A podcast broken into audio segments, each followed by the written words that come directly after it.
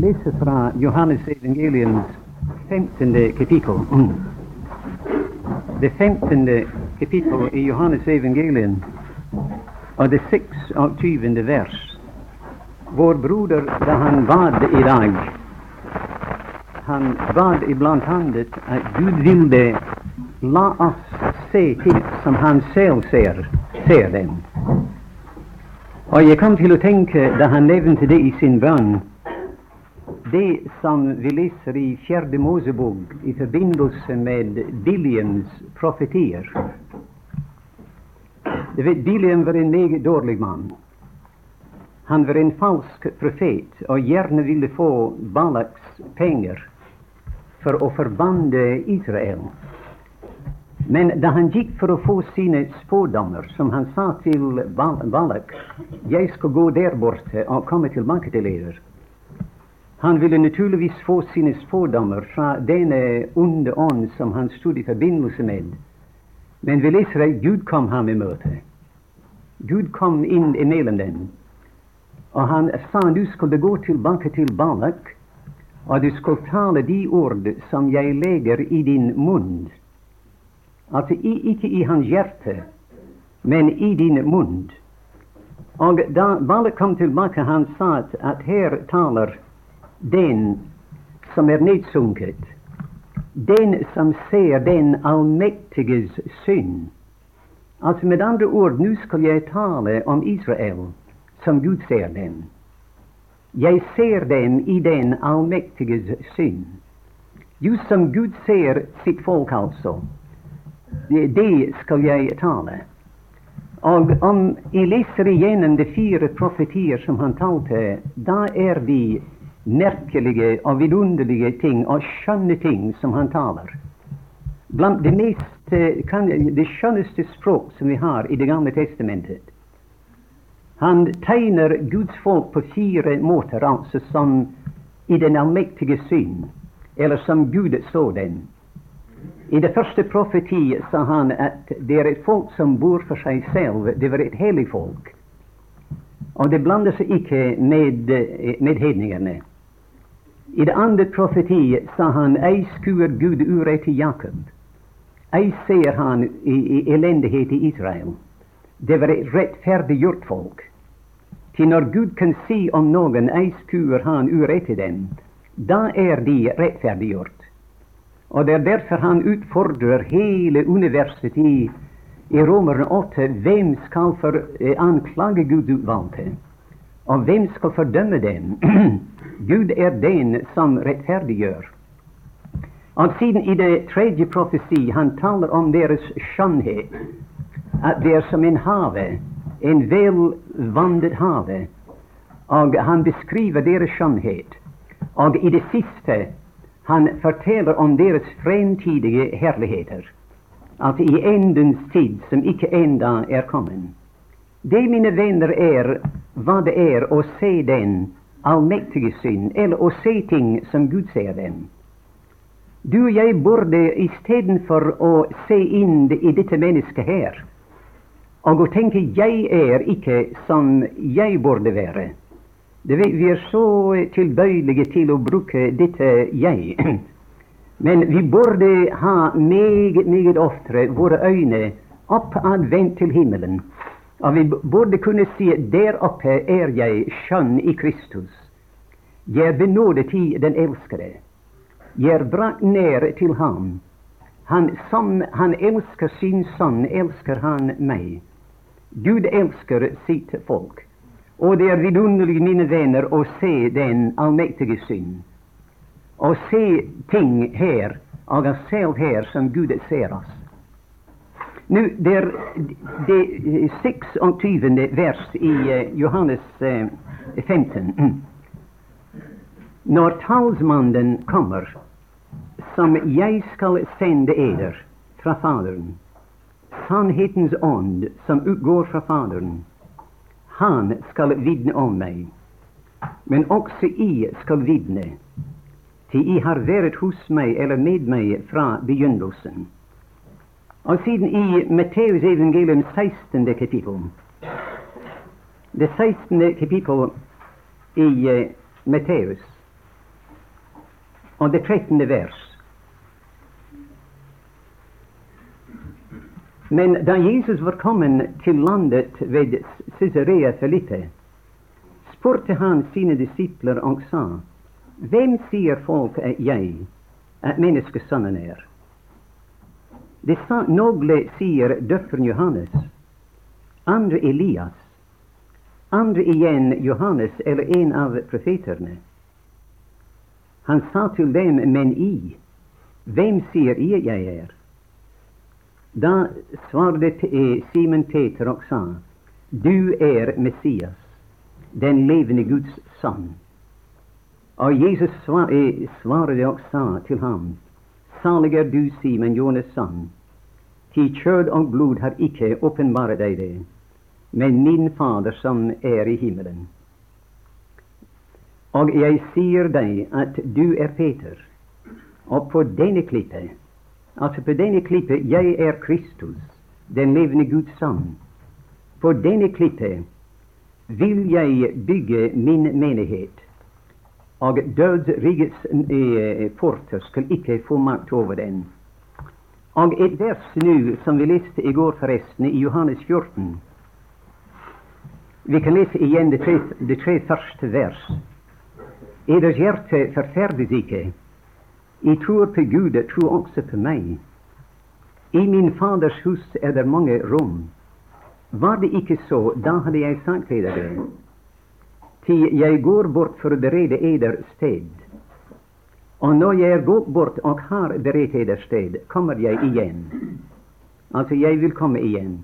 Och ta eder till mig, för att också I skall vara där var jag är.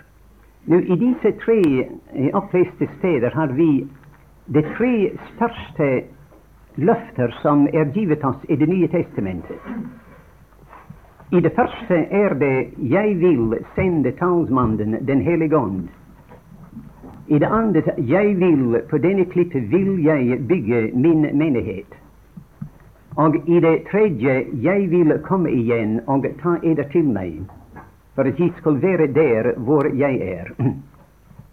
Och dessa tre löften är som tre väldiga välvingar som sträcker sig över hela denna tidshushållning som vi lever i.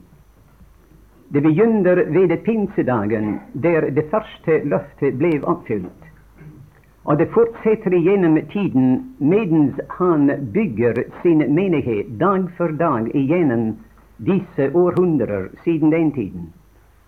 Och sedan om en liten stund, och det blir icke kanske så länge, det är det vi väntar på, att det sista av dessa tre stora löften skall uppfyllas. Han skall komma igen och ta oss till sig, och han skall föra oss in i Faderhuset. och det blir vårt igen. Till ordet där är att i min Faders hus är det många rum. Ordet där är verkligen, där är många boliger. Det, det kan vara ett rum, ett värelse, där vi tar in för natten eller någon dager, och då reser vi. Men en bolig är det vi skall ha, och ha evinnerlig.” Någon har sagt att det är flera tusen löfter i Bibeln. Och det kan jag tro, skönt jag har aldrig prövat att regne den. Ty Bibeln begynner med ett löfte. Kvinnens säd skall knuse armens huvud. Och det sista verset i Bibeln är ett löfte. Är att se, jag kommer snart. Og innimellom disse to løfter er det antagelig tusener av løfter og mine venner, disse løfter, om enn vi har vanskelig for å tro det, det gjelder oss like meget i dag som det gjaldt de troende den gangen. Bare tenk på et sådant løfte som det vi har f.eks. i Hebreerne 13. Der står det, 'Jeg vil ingenlunde slippe deg', og 'jeg vil ingenlunde forlate deg'. og Mr. Spurgeon sa om dette eh, verset der at det er fem negativer i verset. Og man kunne godt lese det vers på den måten. Jeg vil eh, aldri, aldri slippe deg. Og jeg vil aldri, aldri, aldri forlate deg. Og allikevel er du og jeg så forferdelig bange samme tider å stole på ham. Og å stole på disse vidunderlige løfter han har givet oss. Til hver eneste løfte er ja og amen i Kristus. Och det är skrivet i Det Nya testamentet. Icke ja och nej i Kristus. Det finns icke nej. Det är ja när Han giver oss den. Det är amen när Han uppfyller den. Hos oss som i tider är det ja och nej. Vi lovar att komma, och i sista liten må vi sända avbud och säga, vi kan inte komma. Det är ofta ja och nej. Men hos ham är det ja, och det är amen. Han giver dem, och han uppfyller dem. Jag hörde en gång, eller läste en gång, om en gammal troende man som simpelthen frydde sig i Guds löfter. Och han såg en bok avvertert i ett religiöst blad, det, som heter, en bok som heter Guds löfter. Och han skrev till förlaget och bad dem sända han boken eh, Guds löfter. Om någon dag fick han ett eh, kort tillbaka från förlaget. Eh, vi beklagar, sa de, att Guds löften är utsålda och det kommer aldrig i handeln igen. Men den gamle Guds mann i Guds lov. Guds löften är, är alltid i handeln och aldrig är de utsålda. Dessa Guds män, män som f.eks. Abraham, patriarkerna, de levde simpelthen och bevägde sig i, och åndet i löftena. Vi läser om dem i det elfte kapitlet i Hebreerbrevet, att i tro döde alla dessa altså alle disse patriarker, uten å oppnå løftene. Men de så dem langt borte, og de hilste dem. Og de bekjente at de var fremmede, og de var pilegrimer her i verden. Det var det som gjorde denne Guds mann Abraham Han, han var en vidunderlig Guds mann, var Abraham. Og det var det som gjorde ham, mine venner, til en pilegrim, en fremmed og en pilegrim her i verden. Han fick löftet om en, anden en anden verden, löftet om en stad, och han såg den stad. Löftet, mina vänner, om en, en ens herlig, Kristi härlighet, Han såg Kristi dag. Icke Kristi lidelsers dag. Det var icke Kristi dag. Kristus sa till dem som tog ham i Getsemane, det är eders dag, det är eders tid. Min tid kommer. Och Abraham såg förbi korset och förbi den tid vi lever i og hele tiden i det herlige tusenårsriket. Han sa 'Jeg ser eh, Kristi dag'. Han så den stad som hade fasta grunnvoller, av viss byggmästare och skapargud Gud Och han såg Kristi dag, den dagen när han skulle sitta där på tronen. när det icke blir varken russerne eller Amerika eller England eller någon av vissa land som bestämmer och härskar. Han skulle vara på tronen där, och han skulle härska från pål till pål. Och först då, först då, mina vänner, skall denne arme världen ha fred, Och, och icke, icke förr. Så att Abraham, mina vänner, forskjellen mellan Abraham och Lot var nämligen det att Abraham sa jag skall vänta för min stad', medan Lot sa jag må ha min stad i den närvarande tid', Och han fick den. Och vi vet vad följden blev. Han blev draget ut av den och frälst som ved sina tänders hud frälst som genom eld. John Bunyan förtäller i sin pilgrimsvandring, eh, som jag hoppas alla här läser med i Han förtäller när pilgrimen kom in i förtolkarens hus. Det var ett av de varelser där han kom in i, och där satt två drängar i værelset. Den ene hette tålmod, och den andre hette eh, lidenskap. Lidenskap såg meget utålmodig ut och ufornøyet ut mens tålmod sa det är ganska fredfullt och glad. Och när spurte för tolken, vad betyder detta? Jo, sa eh, för tolken, eh, lidenskap vill ha sin del nu. Och han ville inte ge sig förrän han fick sin del nu, och han fick den. Och du ser runt omkring honom ligger allt samman ödelagt. Men tålmod sa, jag skal vänta på min del till i och det är därför han sitter, och han ska få sin eh, del i morgon. Mina vänner, Abraham var en, han var tålmod. Han sa jag ska vänta och få min del i morgon. Där kommer en morgon för mig, en härlig, härlig morgon, En morgon utan skyer, som den klarskinnande efter regn. Jag väntar, jag ska vänta på min del då. Jag ska vänta på den stad, den stad som hade fasta grundvågor och viss byggmästare och skapar Gud är vänta på den dag när min Herre som kommer, som jag aldrig har sett undtagen med troens öje, att han ska sitta där på tronen. Det blir hans dag då. Icke, icke människor i denne världen, icke dem som ska behärska då, eller härska, men hans dag kommer, och jag väntar på den dag. Och han tog sitt tält så långt från byn, från Sodoma, som han bara kunde komma, och prättade sitt tält där. Och jag tänker ofta att när jag älskar att läsa igenom det 18 kapitlet i Första Mosebok, så vi läser där att eh, Abraham, han satt där i sitt tälts dörr. Och han satt där på den hedeste av dagen, när solen skinte klart. Det klaraste och hedeste av dagen.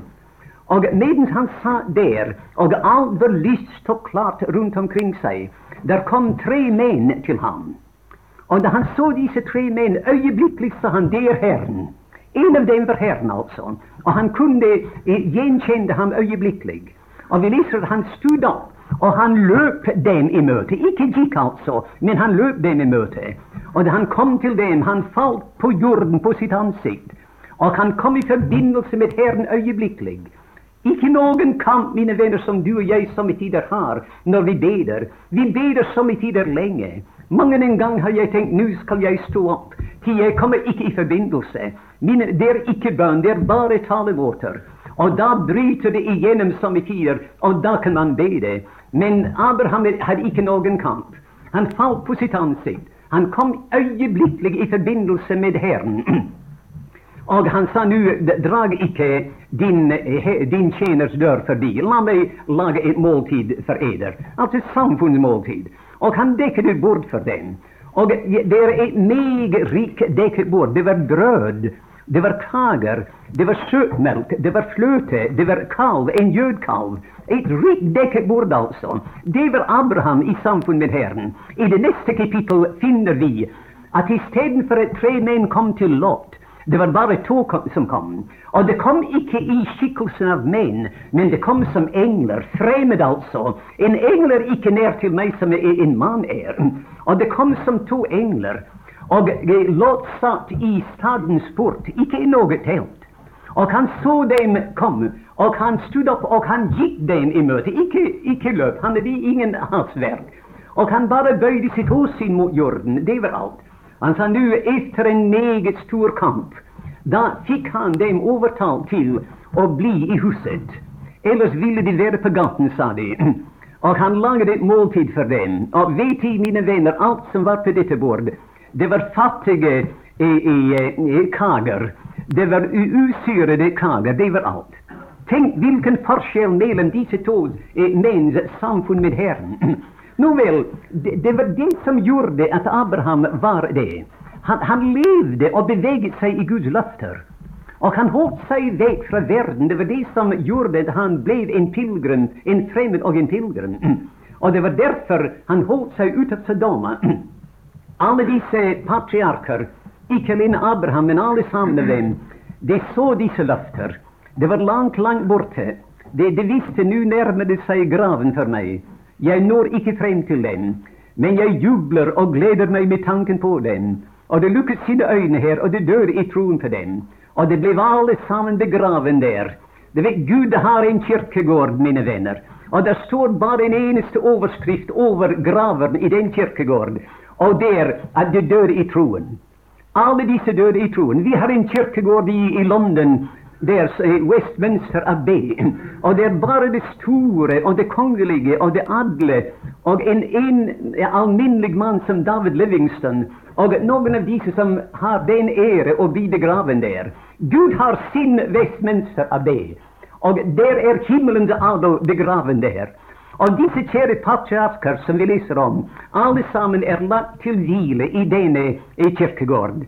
Och det ligger där, och det ska ligga där intill de eh, erfarer och upplever de välsignelser, de löfter som de levde i och trodde på och glädde sig vid i den gången som vi läser om dem i Första Mosebok. Nu, dessa tre löften som vi läste nu idag, eh, den ena av dem, som jag sa, är uppfylld. Han har sänt sin heligond. Den andra blir uppfylld. Han bygger sin menighet. Jag vet inte om alla här idag är omvända. Jag vet ju om alla här idag är Guds barn. Guds barn. Men om det är en som icke är troende här idag och du blir frälst idag. Nåväl, du blir lagt till denna byggning som en sten i byggningen. alltså, och, eh, som ett lem i Kristi legeme. Han bygger och bygger, och om en liten stund skall toppstenen bli lagt till dig, med höje rop av nåde, nåde till dig. Och då, i ett nu, i ett ögonblick, skall han ta eh, menigheten till himmelen. Jag vet ju om alla här idag vet, eh, en del av er vet det, men det ord som man hör kanske oftast i radion och läser oftast om i, i aviserna idag, nämligen atom. Du vet atombomber och allt möjligt atom alltså. Det ord står i Bibeln. Och det är antagligen därför de har eh, kanske fått det. Det står i det femtonde kapitlet i första Korinther, och det 52 vers. Se, jag visar eder en hemlighet. Vi skall icke alla hänsova, men vi skall alla förvandlas i ett nu. Nu, det lilla ord nu där är atom. Ordet atom betyder det som är så lille att det icke kan indelas. Och tids, den tiden Herren skall bruka till att rycka oss från denna världen här upp till himmelen, det är så lille, mina vänner, att det kan icke indelas. Vi kan icke säga det så många sekunder eller så många eh, eh minuter eh, eller något slikt. Det ska ske i ett nu, i ett ögonblick. Och då ska vi stå där ansikt till ansikt med honom. Och tänk på det ögonblick, när vi ser honom ansikt till ansikt. Och för första gången skall vi se till honom, Herre Jesus, nu äntligen är jag kommen fram, äntligen ser jag dig. Och som vi kastar oss ned vid hans välsignade fötter, vi skall erkänna, Herre, det är härlighet för mig. Nu är jag igen för aldrig mer och skilles. Det är det vi väntar på. Men den första av dessa, alltså den helige Ande, är verkligen kommen. Han kom ned på pinsedagen, som vi vet. Och han begynte den gången, på pinsedagen, att ledsaga den himmelfarne Isaks brud den himmelfarne Isaks Rebecka igenom denna världen här begynte ju, just som tjänaren som Fadern och Sonen sände ut i eh, Första Mosebok 24. Så begynte han sänt från himmelen, från Fadern och Sonen här ned. Och han begynte att ledsaga menigheten. Alltså den himmelfaren Isaks Rebecka, han som hade varit under kniven på Morias berg på Golgata, mina vänner, som viss nog är akkurat där Abraham bygger sitt altare. Och han har fullt hände dessa snart 2000 år igenom tiden. Vi har syndat emot Guds mina vänner. Vi har bedrövit honom många, många gånger, men han har aldrig gått ifrån oss. Han skulle vara hos oss, med oss till evig tid. Och den sista gång vi ser Anden och bruden samman är vid änden av resan i det sista kapitlet i Bibeln, ganska ner till där Gud satte punkten till sitt ord, i det sjuttonde vers i, i Uppenbaringen 22, och vet i, mina vänner, vad du gör, onden och bruden. Det står där, och det ser upp igenom himlen, det öppna dörr. Och de ser den himmelfaren Isak sittande där på tronen. Och som de ser han, hjärtat bränner in den i den. Och de ser, åh, onden och bruden säger kom. Och de ber han komma tillbaka igen. Och var säker på, mina vänner, han ska uppfylla den bön om icke så länge. Om en liten stund skall han stå upp för den tronen. Denna gången icke för att eh, förnedra sig här nere i denna världen. Denna gången icke för att vara i människors händer, för att de ska göra som de vill med honom. Men han ska komma i sin härlighet, komma i sin nå nådens härlighet, ned till ett sted välkänt till honom i himmelrummet. Och från där skulle han sända sin stämma ned till denna världen. Och han skulle se min dejlige, min älskade, min brud, stå upp och kom. Nu är vintern förbi och är gången. Vintertiden med dess stormar och trängsler och sygdom och sorg är förbi. Stat upp, min dejlige, min älskade, och kom. Turtelduen röst hörs i vårt land. Blomstens tid är kommen. Och han skall rycka oss in igenom pärleportarna och främst till oss då, ändelig för Fadern, och si, här är jag, och det är barnen som du gav mig. Icke en enaste en av dem är tatt. Och vi skall vara hos honom evinnerlig, genom en lång, härlig eh, evighet. Alltså, det är, dessa tre, jag menar att Anden alltså är givet oss. Han har aldrig förlatt oss. Han är hos oss den dag i dag. Men det, det, kan hända att någon av er som sitter här idag sitter och tänker att det kan vara gott och väl att höra en del ting om Den helige Ande, denna allvarliga sannhet. Men det som mest intresserar mig är det att jag undras om jag verkligen är i besiddelse av Den helige Ande. Och det sitter av denna tanken, tanke som i tider dig. Jag är en troende, säger du. jag tror på den Herre Jesus, men jag undrar som i tider om jag verkligen är eh, om jag verkligen är i besiddelse av Den helige Ande. Tider står skrivet att den som icke har Kristi Ande han hører ham ikke til. Og det, det er meget alvorlig. Men du behøver ikke være i tvil om Du behøver ikke gå fra det møtet i dag i tvil om om det eier Den hellige ånd eller ikke. Jeg, du behøver ikke gå inn i dine følelser for å undersøke der, eller dine erfaringer eller noe slikt for å undersøke i den. Men det står et vers her i, i Efeserbrevets første kapittel. Jag kunde citera det, men jag ska läsa det för att vara mycket, mycket nöje. Det trettonde vers i, eh, eh, i, i Efesierbrevets första kapitel.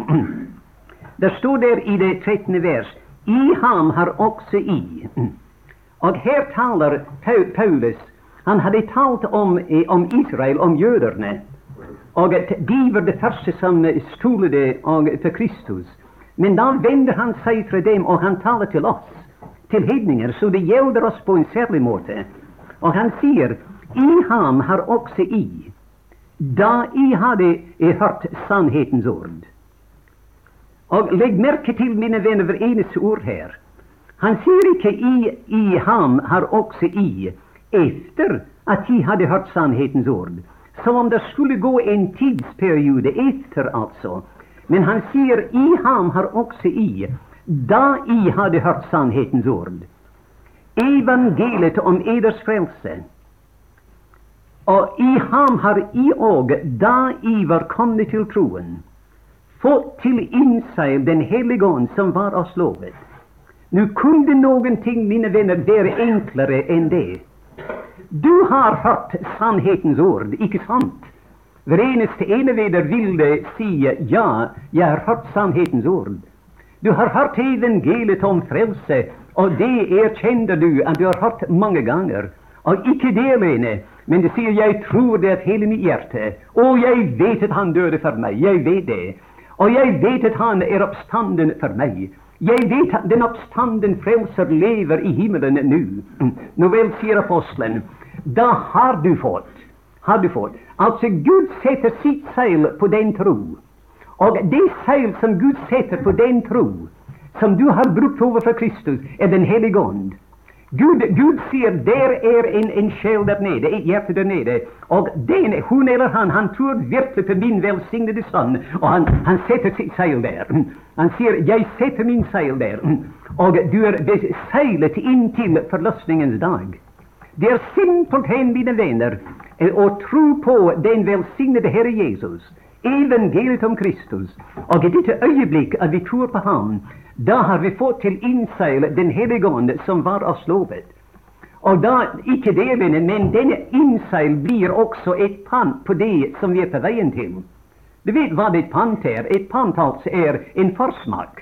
Du vet hur det är när din hustru, du kära broder som är här i dag, samtidigt när du sitter in och läser in i stuen, då kommer hon in med en liten skål eller något och en skje, och hon säger nu smak det'. Det är det vi ska ha till middag Och du smakar det, och det vill gärna glädja henne något. Och det rosar hennes matlagning, och det smakar väldigt gott. Det är en försmak alltså, av det du skall få. Varför kände vi så lite till himmelen? Varför är det när vi talar till de troende ofta och vi spör dem hvordan är det i himlen? Ja, det är, det vet ögat har icke sett det, och øret icke hört det, Och det har aldrig uppkommit i något människohjärta. Vi anar icke. Men det må vara något alldeles obegripligt, härligt, när vi kommer fram. Men om det icke du vet mer än det, om icke du, mina vänner, kan se mer än det, då är du icke kommit längre än profeten Isaias. är profeten Isaias sa det. Han sa vad Öje icke så, och vad öre icke hörte och vad aldrig uppkom i noe menneskehjerte, det ting som Gud har berett för dem som älskar honom. Men, säger han, det är en gåva för mig. Jag har, jag anar inte vad det är, men det må vara väldigt, väldigt härlig. Men Paulus säger, mina vänner, det är ingen gåva för mig, säger han. och det är ingen gåva för eder i Korinther. Till Gud har uppenbarat det vid sin ond, Till onden rannsakar allting, ja, dygden i Gud. Och mina vänner, vi borde vara där, där, där eh, eh, innanför porten där. Vi borde gå där och sätta oss ned i Anden, nere vid hans fötter. Vi borde se Herre Jesus, jag, jag, mitt läge med mina fötter är på öknens sand, men hjärtat mitt är här. Anden min är här. Jag är så när, så ganska när till dig, Fader, att mer nära jag tänkas kan. Till nu är vi ute i din son, vi är så när som han. Nåväl, grunden till, mina vänner, att eh, vi känner så förfärligt lite till himmelen, och icke kan beskriva det. Jag har tänkt ofta, jag tänkte nu eh, förleden dag, mig, där jag var hemma, jag kan icke läsa mig nu, men eh, jag är icke så ung nu, säger dottern, som jag var en gång, men jag, jag kan tänka, och jag sitter och tänker, och jag gick igenom Hebreerbrevet, och vet i vad Hebreerbrevet är? Vi kan tänka på Hebreerbrevet på fyra eller fem olika måter. Men en av de dejligaste måter att tänka på det brevet är att det öppnar himlen för oss. Det öppnar himlen just som den är idag. Och när, när vi träder in i brevet, vid dörrtäskeln till brevet, den första ting vi finner där är att vår frälsare sitter på tronen. Han gjorde renselse för våra synder. Och vi läser ingenting om tre dagar i en grav, eller 40 dagar på jorden här. Men vi läser han gjorde renselse för våra synder, och han satt sig. Steg från Golgata och satt sig på tronen. Alltså det är begynnelsen till brevet. Och det öppnar upp dessa härligheter hela vägen igenom, igenom brevet. Det är vidunderligt, mina vänner, att gå i onden innanför dessa pärleportar. Och gå, gå i onden innanför det allra heligaste. Och böja oss ner där och säga Fader, här är mitt hem. Här är mitt hem. Här är min faders hus. Du säger, nej, det kan du icke se. Vi har läst idag om att eh, faderhuset ska vi komma in i när Herren är kommen. Ja, det är sant. Men det är en faderhus här nere. Tror I för ett ögonblick, mina vänner, att vi är frälst här för att vanka omkring i världen utan något igen? Nej, vi har, där är en faderhus omtalt i Lukas 15. Så snart som denne eländige förlorade son kom tillbaka igen, då blev han fört in i faderhuset. Det faderhuset alltså är vårt hem nu. Vad finner vi där? Vi finner Faderns glädje där, Faderns rikedom där, det härliga, det vidunderliga ting där. Och där allt samman är, är givet till oss att njuta nu. Gud hjälp oss, mina vänner. Till himlen är icke bara i framtiden. Himmelens glädje är icke bara när vi dör eller när Herren kommer. Nu är den tiden när våra hjärtan borde jubla och glädja oss i dessa vidunderliga ting. Nu, jag hoppas då att enaste en, om det var någon troende som satt med den, det tvivel eller det spörsmål i hjärtat, har jag den helige Ande eller, eller icke? Jag hoppas att den tvivlen eller den oro är, är fjärnet. Um till då vi hörde sannhetens ord, evangeliet om vår frälse, och då vi var komna till tron, fick vi till insikt den helige Ande som var oss lovet. Nåväl, det är ganska stadfäst och slått fast i skrifterna att den enaste tron i världen har den helige Ande som inseil och har den helige Ande som pant. Men det är icke var troen som är fylld med den helige Ande. Och det är likväl Guds vilja och Guds önske för oss att vi skall allesammans fyllas med den helige Ande. Jag är bange för att eh, tron i allmänhet, de tänker att eh, det är bara dessa predikanter eller missionärer eller enkelte särliga stora, eh, så kallade stora troende som har denna, denna förre, det privilegium att bli fylld med den helige Ande. Men var troende, mina vänner, om I för exempel sammanlignar det femte kapitlet i Efesierbrevet, jag ska inte läsa för tidens skull. Du huskar det vers som begynner med Bliv icke druckna av vin, men bli fyllt av Anden. Och du ska finna där att resel eller virkningen av att bli fylld med Anden är att vi gläder oss i våra hjärtan, vi sjunger och talar i våra hjärtan yndigt för Herren. Och vi underkastar oss varandra. Och det är ett, ett eh, vidunderligt liv som han lever där. Det är virkningen av att bli fylld med Anden. Vi synger och lovar Herren dessa andliga visor och jublar i våra hjärtan och vi är vänliga över för varandra. Men om du da sammenligner det med det tredje kapittel i Kolossenserbrevet, skulle finne det Apostelen sier der det eneste forskjell er at i, i Efeserbrevet er blir fylt med Ånden, og disse ting skal følge. Men i Kolossenserbrevet er det att när Kristi ord bor rikelig i eder, då skall dessa ting följa, som är en, en, en följd, alltså ett resultat. Då skall du synge och lova Herren i ditt hjärta och synge dessa andliga visor och underkasta sig varandra. Med andra ord, den troende, man eller kvinna, ung eller äldre, som läser Guds välsignade ord, och Kristi ord bor rikelig och på en andlig måte i deras hjärtan, den troende är ondskild. Och där du och jag nyter denna tillstånd så sällan. Och grunden är, mina vänner, att den välsignade heligon får icke plats i oss. Han fyller vareneste rum, vareneste i tomme han får i våra hjärtan. Bara ge han plats och han skal fylla dig. Nu husker i, eh, i det 26. kapitlet i Första Mosebok. där läser vi om att, eh, att Isak det var Isak var eh, Abrahams son, som vi alla vet. Eh, Abraham talar om troens kraft och troens energi. Han är den troendes fader. Nåväl, den, när den, denne tro är fullt utvecklad, det nästa skritt är sannekår, och det är det vi finner i Isak. Nåväl, då Isak begynte att gå omkring, då uppdagade han, men sannolikt, har filisterna stoppat alla dessa brunnar som min far har gravit. Den brunn var, var stoppad, och den andra brunn. Vi kunde nämna brunnar, mina vänner, som är stoppade i dag stoppet filisterne, känner I, eh, var icke flinke till att grava brunnar, så vid vi vet, men väldigt flinke till att stoppa dem. Alltså filisterna är et bilde av eh, simpelthen världslig eller, eller naturlig kristendom. Det var alltid de fem första alltså. Aldrig sex och aldrig fyra. De fem första, akkurat som de fem sanser. Och eh, de eh, En ting skjønte, de hade många kämpar. Men det är en ting du läser aldrig om filisterna, att de kunde, de kunde aldrig ta landet i besittelse. De blev alltid eh, besegrade av David och hans män och av Israel. Och det är detsamma den dag i dag. Det här samsliga, världsliga kristendom. När hör vi, mina vänner, någon vän ta oss till himlen och säga att vi är så nära, så ganska nära till Gud, att nära, i tänkeskan? När hör vi att vi är satt i himlen i Kristus? Vi kan icke ta alltså landet i besittelse, det himmelska i besittelse. Nåväl, de kom omkring och stoppade dessa bränder. Och nu, dessa bränder talar som vi vet om, Den helige den levande vand alltså. Men då Isak kom till de brønn efter brønn, vad gjorde han?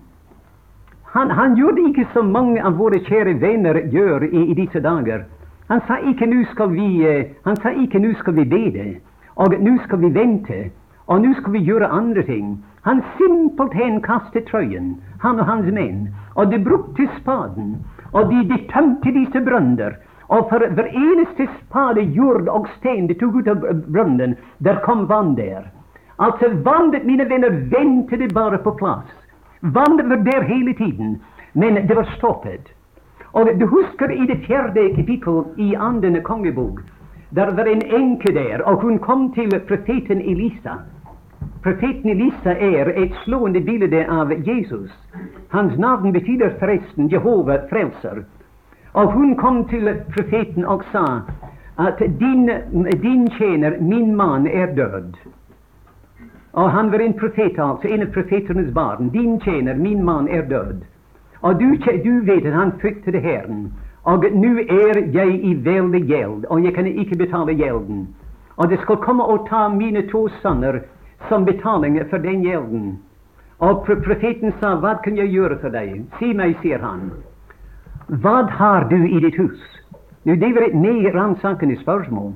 Jag undrar om vi fick det spörsmålet rättat till oss idag, vad vi skulle se. Vad har du i ditt hus? Och denne änka kunde besvara spörsmålet på både negativt och positivt. Hon kunde förtälla honom vad hon icke hade i sitt hus. Og kan, kan vi si, mine venner, jeg har ikke noe, ingen av disse leker og, og spill og alt det her som stjeler hjertet og tiden bort fra Guds ord, og fra ødelegge bønnens lengsel og slik. Hun sa din tjenerin har intet. Unntagen en krukke med salveolje. Nå vel, sa eh, profeten, der har du nøkkelen til hele, hele vanskeligheten. Du skal nå gå hjem og ta den lille krukke med salveolje. Och du skall eh, gå in i ditt värelse med dina två söner och du skall ha alla möjliga eh, tomme kar, alla dessa kar som är tom. Tålmodets kar är tom, kärlighetens kar tom, langmodighetens kar tom, och alla de andra kar som är tom, Och du kan icke betala din gäld dag efter dag. Du manglar den kraft till att betala din gäld. Du skyller kärlighet där, tålmod där och något annat där. Du kan icke betala det. Nu säger han, du skulle gå in och ta dessa tomma kar in och dina söner, och du skulle lukke dörren in, alltså dörren, Ellers kommer lyden in från världen, och världen må icke komma in i detta heliga sted. Lukk dörren efter dig, och du skulle ta den lilla krukan med salvolja, och du skulle fylla in i dessa tomma kar. Och hon höll på att fylla in, mina vänner, och fyllde in. Alltså, det var simpelthen uuttømmelig. Det var många mindre kar än det var olja. Hon kom till en och sa 'bring ännu en kar', Och sonen sa där finns inte någon kar'. Alla karene var fulla. Det, mina vänner, är du och jag äger, som sa, den välsignade helige Ande. Vi har Anden som, som är eh, seil, som innseil och som pant. Vi har han som tröster, Han som lærer. Bara ge han plats. Men Den helige Ande säger, där är en sten där, och jag kan icke fylla det, det sten intill stenen är väck det er vantro. Og der er en annen sten, det er bitterhet mot din bror eller søster. Og der er en annen sten, du volder uenighet eller noe slikt iblant brødrene. Ta disse stener bort. Jeg fyller hver eneste rom, hver eneste plass som du giver meg. Og om vi tømmer, mine venner, ut av våre hjerter alt det som volder Den hellige ånds sorg, eh, hver eneste ting vi tar ut, da inntar han den plassen. Det er akkurat som vi leser i, eh, i Filippenserne eh, 4. Der, der står 'vær ikke bekymret for noe'. Og det er den mest naturlige ugress som vokser i våre hjerter, bekymring. Men han sier 'vær ikke bekymret for noe', men la de alle ting eders begjæringer komme frem for Gud, i bønn og påkallelse og takksigelse. Eller ta, begjæringer komme frem for Gud med påkallelse og bønn og takksigelse. Og om vad? Jeg skal si om Gud ville ta bekymringen väck, när vi beder, och icke ersätta det med något annat. Då vill ugräset växa upp igen. Men han tar ugräset bort, och han planter där en av paradisets dejligaste blomster. Guds fred som övergår all förstånd ska bevara eders hjärtan och eders tankar i Kristus Jesus. Det intar platsen alltså av bekymringen. Men nu jag har bara en, en fem minuter eller så. Bara låt mig säga att om, om en icke eh, troende eh, eh icke ikke eh, med Den helige Ande, dog har vareneste troende del i Den helige Andes dop. Nu jag vet inte om det är någon här i dag som kanske vill, om du eh, talte med mig personligen, ville vara oenig med mig vad det angår. Men jag tror om vi allikevel följer Guds ord, ska vi finna att det är tilfellet likaväl. Vi läser nämligen om, om Den helige Andes dåp på tre städer i Det nya testamentet. Alltså, I evangelierna läser vi där att han skall döpa med Den helige Ande. Där I evangelierna är det en, en profeti. Alltså han skall göra det. När vi kommer till apostelen gjerninger 2, då är den profeti uppfylld. Den helige Ande kom ned på pinsedagen. Och Den helige Andes dåp, mina vänner, betyder att han bragte allt som, som hör till kristendomen. Hela Guds fylde kom ned den gången. Gud, allt som kristendomen består av, kom ned. Och upp till den tiden troende bare enkelte individer hist og här alltså, Men nu säger han det är icke längre att ge er enkelte individer. ge er en enhet nu i blir ett legeme nu, och han danar dem till en enhet. Det han, kom, han oppfylte denna profeti alltså på eh, pintedagen. Men det enaste vers i, eh, i Bibeln, eller i Det Nya testamentet som förklarar det. Jag kan läsa det, jag kunde citera det som sagt, men helst läsa i det tolfte kapitlet i eh, første Korinter. Första Korinter, det, det tolfte kapitlet, och i det tolfte vers. Vi läser där i det, i det eh, trettonde vers. Ty vi är, vi är ju alla döpta till att vara en eh, eh, döpta døpte e, med en ånd till att vara ett legeme, vad enten vi är judar eller grekare, enten vi är trälar eller fria, och vi har alla eh, fått den en ånd att dricka. Alltså vi är alle döpta med en ånd till att vara et legeme. Nu det, mina vänner, är hensikten med åndsdåp. Det, det var en profetia i evangelierna. Tiden var inte kommen för att uppfylla det. Det blev uppfyllt i apostlarnas gärningar. Men här är förklaringen. Ah, Menighetens apostel förklarar det. Han säger hensikten var att ta alla dessa kära troende, som bara var individer som det var i Israels tid, og å danne dem om til et eneste legeme. Vi er døpt nå til å være ett legeme. Ja, men noen ville si at jeg kjenner mange troende og de sier at de er døpte med Den hellige ånd. Og de kan peke tilbake til en erfaring som bevis på det. Og det er lykkelige troende. Og vær sikker på, mine venner, disse kjære troende har hatt en herlig opplevelse. Det eneste ting som, som er feil, er att de har givit denna härliga upplevelse en feil. De har kallat det med ett fel namn. Spör du dessa kära troende, för exempel, att eh, vad, var det för en upplevelse du hade? Och det vill säga, med antaglig glädje, i strån utav deras deres ansikt. jag levde ett ganska lukt liv som en kristen. Jag har icke en egen glädje, som i tider glädje, men, men eh, oftast eh, den, den motsatte. säger, sjelden ofta nederlag. intill jag blev trött av det slags liv som en kristen. Och jag gick in till Herren, och jag bad, och jag var där i Herrens närvarelse. Jag grundade på Hans ord, och som jag bad där, och det var något vidunderligt, som fyllde min själ. Och istället för nu att se på mig själv, jag, jag såg han, han som hade sörjt för mig, han i vem min glädje är.” Det ville förklara, alltså, någorlunda i den riktningen. Nåväl, det om du f.eks. leser det, det, den sista halvdel av Romerne eh, 7, fra det 14. vers. Och om du tar en blyant och streker under varje gång den käre själ talar om sig själv, då skulle du bruka blyanten 37 gånger. Han säger, jag, jag, och jag prövade det', och jag eh, ville göra det'. Det var nederlag där, ingen säger där, ingen glädje där. Och han blev så alldeles trött av det liv av nederlag och sorg och eländighet, att i förtvivlelse ropte han ut, vem skall fri mig från detta dödens lägeme? Och ögonblickligen var det som han, han fick ett syn. Øyeblikkelig, mina vänner, var det som om han fick sina ögon väck från vraket här, väck från detta åtsel här, detta dödens legeme, och det var fäste på han som sitter där på tronen. Och, säger han, jag tackar Gud ved Jesus Kristus, vår Herre. Så fort, mina vänner, som det gick, denne kära själ som vi talar om nu, som talar om sin åndsdåp. Så fort gick förändringen. Alltså, Det gick så lika fort som att han kunde vända sina ögon bort från självet, från vraket, från oddslet alltså, och fästa dem på den Herre Gjorde Kristus. Och Og nå för att säga 'jag det' och jag det' og 'jeg något annat', han begynner att sjunga Den anden sang alltså i Romarbrevet. Då är det då nu ingen fördömelse som är i Kristus Jesus. Och han jublar igenom det till people. Och det går högre och högre. Det går från höjdpunkt till höjdpunkt intill vi kommer ned till det 31. vers.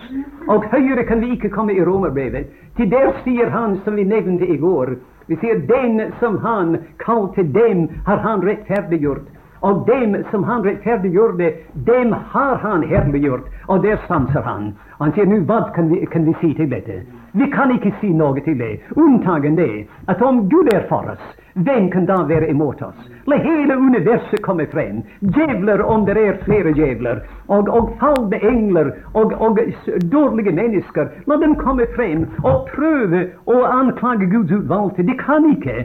Till Gud själv är den som, som rettferdiggjør. Nå vel, det, mine venner, er denne erfaring. Det er den erfaring hva disse kjære troende har hatt nytelsen av, er at denne helliggjørelse, som har tilhørt dem helt siden de var omvendt, men de aldri hadde nytelsen av det, nå ganske plutselig, ved de kommer i berøring med den herliggjorte Kristus og forlater selv sysselsettelse, Nu är denna välsignade heliggörelse en kjennegjerning för dem. Det bara vänder ögonen bort för självet och det fäster det på Kristus. Och då fyller jubeln deras hjärtan och de säger jag tackar Gud' Vid Jesus Kristus, vår Herre. Och då begynner sangen.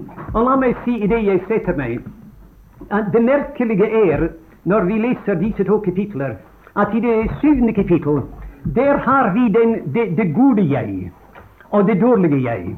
Att alltså, det dåliga jag ville ha det, och det goda jag ville ha det, men det dåliga jag är mycket starkare. Och det, det goda jag lider stadigt nederlag. Men när vi kommer in i det åttonde kapitlet, det, det, det, goda jag är borta. Det dåliga jag är där, Men det goda jag är icke där längre. Och vet I varför? Det är akkurat som om Gud on sa till vedkommende att du, du makter icke den här. Kain er starkare än Abel. Ismael sterkere än än Isak. Esau sterkere än Jakob. Saul än än David. Du maktar icke det, det stygge, dåliga jag där. Nu ska jag inta din plats, och Den helige Ande intar platsen av det gode jag. Och jag bara följer efter. Det är som Herren sa till Joseva nu är jag kommen, fyrsten över Herrens här. Du kan gå bak mig, Joseva. Och Joseva bara följde efter. Och mina vänner, Gud hjälp oss till att leva dette velsignede, åndsfylte liv. Det er ikke ved anstrengelse, ikke ved våre egne eh, eh, noe merkelige opplevelser eller noe slikt. Men det er sysselsettelse med Ham, med Kristus selv. At jeg ser meg selv benådet i den elskede. At jeg ser meg selv som vår broder bad om i dag, som Gud ser meg. Benådet i Kristus. Brakt ned til Faderen i Ham. Gud hjälp oss da til å, å nyte dette liv. Men vi fick inte se något om de andra två delar av dessa, eh, av dessa tre välvingar. Må Gud skriva dessa ting i alla fall, in i alla våra hjärtan.